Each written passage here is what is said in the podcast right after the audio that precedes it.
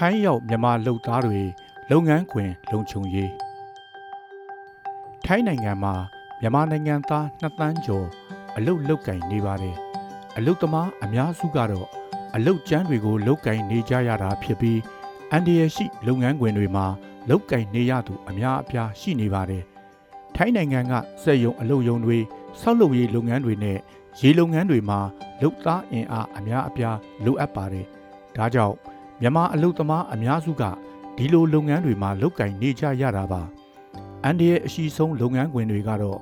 ပလတ်စတစ်စက်ရုံ၊တန်စက်ရုံ၊ပရိဘောဂစက်ရုံစတဲ့စက်ရန်တရားကြီးတွေနဲ့လုပ်ကင်ကြရတဲ့စက်ရုံတွေငါးဖမ်းလုပ်ငန်း၊ဆောက်လုပ်ရေးလုပ်ငန်း၊စီတီးဖြုတ်ချတင်လုပ်ငန်းတွေဖြစ်ပါတယ်ဒီလုပ်ငန်းခွင်တွေမှာလုပ်ကင်နေကြတဲ့မြန်မာအလုပ်သမားတွေအန်ဒီရဲ့ကင်းကင်းနဲ့လုပ်ကင်နိုင်ဖို့ဆိုရင်လုပ်ငန်းခွင်တတ်မှတ်ချက်တွေကို သိရှိလိုက်နာကြရမှာပါအရေးကြီးဆုံးကတော့အန်ဒီရရှိလုပ်ငန်းခွင်တွေမှာသတ်မှတ်ထားတဲ့အသုံးအဆောင်တွေအကာအရန်တွေသတ်မှတ်ချက်အတိုင်းရရှိကြဖို့လိုပါတယ်ဒါတွေကိုအလုတ်ရှင်ကမစီစဉ်ပေးရင်ကိုယ့်ရပိုင်ခွင့်နဲ့အညီဘယ်လိုတောင်းဆိုမလဲဆိုတာတွေကိုလည်းသိရှိနေရမှာပါဒါအပြင်တကယ်လို့အန်ဒီရကြုံလာပြီးဆိုရင်လည်းအချိန်မီစိတ်ကူးသခွင့်နဲ့ခံစားခွင့်တွေဘယ်လိုရယူနိုင်မလဲဆိုတာတွေကို တင်ဆက်ပေးလိုက်ပါတယ်။အန်ဒီရရှိလုပ်ငန်းခွင်ကသတ်မှတ်ချက်တွေအန်ဒီရရှိလုပ်ငန်းခွင်တွေမှာအစိုးရကတရားဝင်သတ်မှတ်ထားတဲ့စည်းကမ်းချက်တွေရှိပြီးသားပါ။ဒါတွေကိုတိတိကျကျလိုက်နာကြဖို့လိုပါတယ်။စက်ရုံတွေမှာစက်ပစ္စည်းတွေကိုပေါ့ပေါ့ဆဆကင်တွယ်မိလို့ကိုလက်အင်ကာဆုံးရှုံးရတာအသက်ဆုံးရှုံးရတာတွေဖြစ်နေပါတယ်။လက်နှစ်ဖက်အသုံးပြုရမယ့်စက်ကြီးတွေကိုလက်တစ်ဖက်တည်းနဲ့ကင်တွယ်အသုံးပြုတာတွေက အန်ဒီရဲ့ဖြစ်စေပါတယ်။စက်ခလုတ်အသုံးပြုရာမှာလဲလက်နှစ်ဖက်သုံးရမယ့်နေရာမှာခလုတ်တစ်ခုကိုတရေခွင်းနဲ့ပတ်ထားတာဒါမှမဟုတ်စက်ကူနဲ့ညှပ်ထားပြီးခလုတ်တစ်ခုပဲအသုံးပြုလုပ်ကင်ကြတာတွေရှိပါတယ်။ဒီလိုလှုပ်ဆောင်တဲ့အတွက်မတော်တဆထိခိုက်မှုတွေရှိနေပါတယ်။ဒါကအရန်အန်ဒီရဲ့များတဲ့အတွက်မလုပ်သင့်ပါဘူး။လေ့ကျက်ထားတဲ့ကျွမ်းကျင်သူတွေသာကင်တွယ်ရမယ့်စက်ကြီးတွေကိုခွင့်ပြုထားသူသာကင်တွယ်အသုံးပြုသင့်ပါတယ်။ စက်ယုံတွေမှာစက်ကချိုရင်းမှုရှိနေပြီလို့ထင်ရင်စက်ယုံတာဝန်ရှိသူတွေကိုခေါ်ယူပြီးစစ်ဆေးစေရမှာဖြစ်ပါတယ်။ဒါအပြင်လိုအပ်ချက်အရရေးသားထားတဲ့ဆိုင်းဘုတ်တွေကိုသတိထားရမှာပါ။ဥပမာအန်ဒီရရှိသည့်မထိုင်ရစတဲ့ဆိုင်းဘုတ်တွေတွေ့ရင် အထူးသတိပြုရမှာဖြစ်ပါတယ်။အဓိကအားဖြင့်လုပ်ငန်းခွင်တွေမှာဘေးအန္တရာယ်ကင်းဖို့အတွက်တားမြစ်ထားတဲ့နေရာတွေမသွားဖို့စက်ရန်တရားတွေကိုစနစ်တကျကင်တွယ်ဖို့ လိုအပ်ပါတယ်။အန်ဒီရကင်းစီတဲ့အသုံးအဆောင်တွေအန်ဒီရရှိလုပ်ငန်းခွင်တွေမှာသတ်မှတ်ထားတဲ့ဝက်စုံတွေအသုံးဆောင်တွေအသီးသီးရှိကြပါတယ်။ပရိဘောကစက်ယုံတွေမှာဆိုရင် နားအန်ဒီရရှိတဲ့အတွက်နားပိတ်ကရိယာတွေအချို့လုပ်ငန်းခွင်တွေမှာနှာခေါင်းအတွင်းအမှုတ်တွေဆေးအနက်တွေမဝင်ဖို့နှာခေါင်းပိတ်ကိုစနစ်တကျဝတ်ဆင်ရပါတယ်။ဆောက်လုပ်ရေးလုပ်ငန်းခွင်တွေမှာဆိုလဲခေါင်းခြေထောက် လက်တွေအန်ဒီရမဖြစ်စေဖို့ဆောက်လုပ်ရေးလုပ်ငန်းခွင်သုံးပစ္စည်းတွေကိုဝတ်ဆင်ရမှာဖြစ်ပါတယ်။ပရိဘောကစက်ယုံတွေကလုပ်သားတွေဆိုရင် ပုံမှန်နှာခေါင်းပိတ်တွေပဲအသုံးပြုတဲ့အတွက်အမှုတ်တွေဆေးတွေနှာခေါင်းထဲဝင်လေ့ရှိပြီးချောင်းဆိုးရင်တောင်ဆေးတွေအဖက်လိုက်ထွက်တာမျိုးရှိပါတယ်။ဒါကြောင့်အမှုတ်တွေဆေးတွေကိုကာကွယ်နိုင်တဲ့နှာခေါင်းပိတ်တွေကိုစနစ်တကျတပ်ဆင်ကြဖို့လိုအပ်ပါတယ်။ လုပ်ငန်းခွင်သုံးလုံခြုံရေးအသုံးဆောင်တွေကိုစက်ယုံတွေကစီစဉ်ပေးကြရပါတယ်။ဒါပေမဲ့လုပ်ငန်းခွင်အများစုမှာအလုပ်သမားတွေအန္တရာယ်ကင်းစေဖို့ထောက်ပံ့တာမျိုးနှဲပါကြပါတယ်။လုပ်ငန်းခွင်သုံးလုံခြုံရေးပစ္စည်းတွေလိုအပ်တဲ့ဆိုရင်ပထမဆုံးမိမိလုပ်ငန်းခွင်အတွင်းမှာတောင်းခံဖို့လိုအပ်ပါတယ်။အလုပ်ရှင်ကစီမံပေးမှုမရှိဘူးဆိုရင်တော့အစိုးရဌာနတွေကလာရောက်စစ်ဆေးတဲ့အခါလိုအပ်တဲ့ပစ္စည်းတွေကိုပြောပြတောင်းခံနိုင်ပါတယ်။ လုပ်ငန်းခွင်မှာထိခိုက်မှုဖြစ်ရင်လုပ်ငန်းခွင်မှာထိခိုက်မှုကြုံတွေ့ရပြီဆိုရင် အလုပ်ရှင်ကနေတာဝန်ယူပြီးစေးရုံစီကန်းတွေကိုပို့ဆောင်ပေးရမှာဖြစ်ပါတယ်။ပကန်းစံခွန်လူမှုဖူလုံရေးပြုလုပ်ထားရင်ပကန်းစခွန်ပြုလုပ်တဲ့စေးရုံတွေကိုပို့ဆောင်ပေးရမှာပါ။ပကန်းစံခွန်မလုပ်ထားရင်တော့နိစ္စရာအစိုးရဌာနစေးရုံကိုပို့ဆောင်ပေးရမှာပါ။စေကူတာဇိရိတ်ကူတော့အလုတ်ရှင်က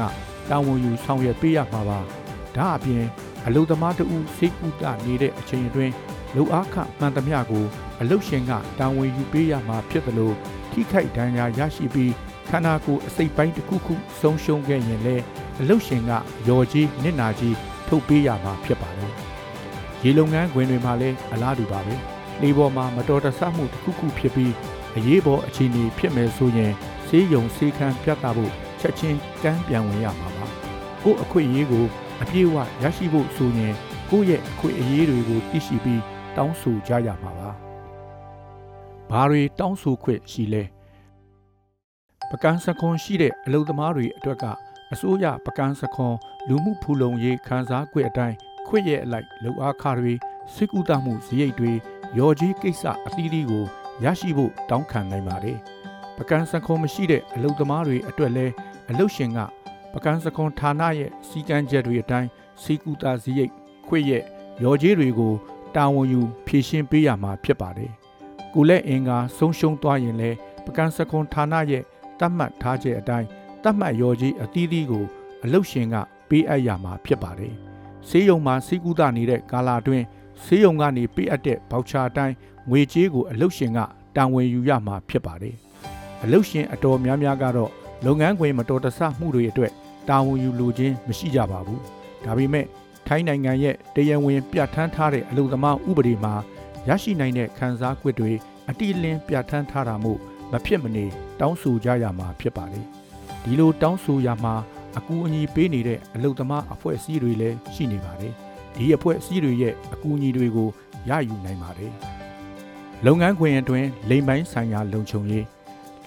လုံခြုံရေးလို့ပြောလိုက်ရင်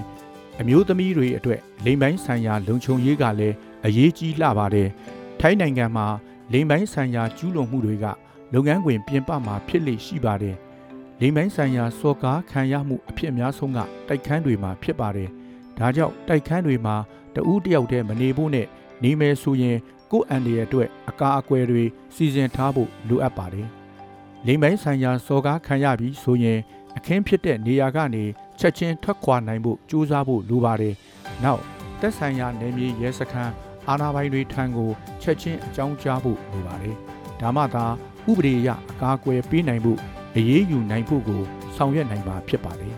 ။နေမိုင်းဆိုင်ရာကျူးလွန်ခံရပြီးဆိုရင်ကျူးလွန်သူသာရှက်ရမှာဖြစ်ပြီးအစော်ကားခံရသူကရှက်စရာမဟုတ်ဘူးဆိုတာသိထားရမှာပါ။ဒါမှသာကျူးလွန်သူကိုအပြစ်ပေးနိုင်တဲ့အထိရင်ဆိုင်နိုင်မှာဖြစ်ပါလေ။ လိမ်မိုင်းဆိုင်ရာစော်ကားခံရပြီးဆိုရင်တော့အမှုအတွက်နီးစပ်ရာမြမအလုတ်သမားအဖွဲ့အစည်းတွေကိုဆက်သွယ်ပြီးအကူအညီရယူဖို့လိုအပ်မှာဖြစ်ပါတယ်။အချင်းချင်းအရမပြုကျစ်ခံရတာ